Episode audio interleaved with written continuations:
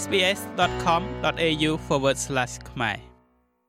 លោកនាយរដ្ឋមន្ត្រីហ៊ុនសែនបានប្រកាសថាកម្ពុជាទទួលបានរ៉ែមាសហើយផលិតចេញជាមាសទឹកដប់បានចំនួនជាង2តោនបន្ទាប់ពីបើកឲ្យដំណើរការជាផ្លូវការនៅការដ្ឋានអាជីវកម្មនិងរោងចក្រចម្រាញ់រ៉ែមាសនៅក្នុងខេត្តមណ្ឌលគិរីជាប់ព្រំដែនប្រទេសវៀតណាម ក្នុងពិធីសម្ពោធដាក់ឲ្យប្រើប្រាស់ស្ពានអាកាសនិងស្ពានក្រោមដីចំចៅក្នុងរាជធានីភ្នំពេញកាលពីព្រឹកថ្ងៃទី31ខែមីនាលោកនាយរដ្ឋមន្ត្រីហ៊ុនសែនបានមានប្រសាសន៍ថាអារឿងបញ្ហាការជីកប្រេងនៅឯសមុទ្រនោះវាជាបញ្ហាបកើបបានជាបញ្ហាហើយព្រោះអាជីកនោះក៏វាអត់ផលថែមទាំងគេលួចអាកប៉ាល់នោះរត់ទៅទៀតប៉ុន្តែយើងបែរជាមកកាត់កប ជាមួយនឹងណែរ៉ែមាសទៅវិញ យើងចាប់ផ្ដើមធ្វើរ៉ែមាសចាប់ពីថ្ងៃ21មិថុនា21មិថុនាមកដល់ឥឡូវប្រហែលខែ9ខែ9ខែយើងផលិតមាសបាន2275គីឡូ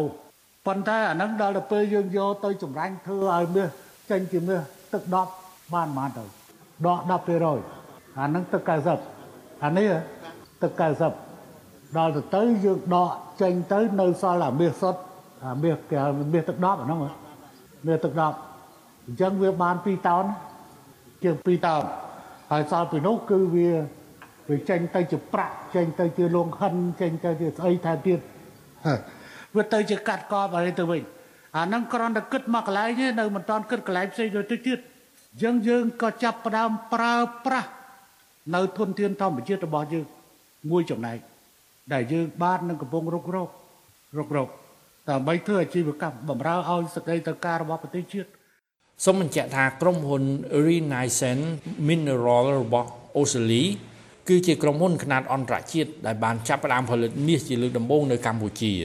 ក្រុមហ៊ុននេះបានចាប់ផ្ដើមសម្ពោធដាក់ឲ្យដំណើរការផ្លូវការនៅការដ្ឋានអាជីវកម្មនិងរោងចក្រចម្រាញ់រ៉ែមាសក្នុងតំបន់អូខ្វាវនៅស្រុកកៅស៊ីម៉ាខេត្តមណ្ឌលគិរី កាលពីថ្ងៃទី21ខែមីនាឆ្នាំ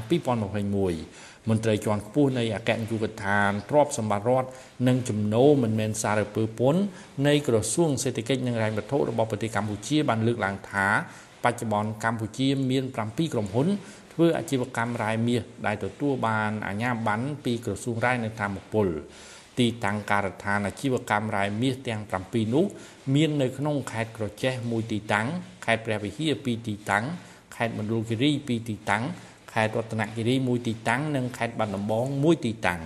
គិតត្រឹមថ្ងៃទី7ខែកុម្ភៈឆ្នាំ2022រាជរដ្ឋាភិបាលទទួលបានចំណូល14លានដុល្លារពីវិស័យរ៉ែមាសដែលក្នុងនោះ5លានដុល្លារគឺជាចំណូលពន្ធដារនិងពន្ធគយខ្ញុំម៉េងផល្លា SBS ខ្មែររាយការណ៍ពីរាជធានីភ្នំពេញ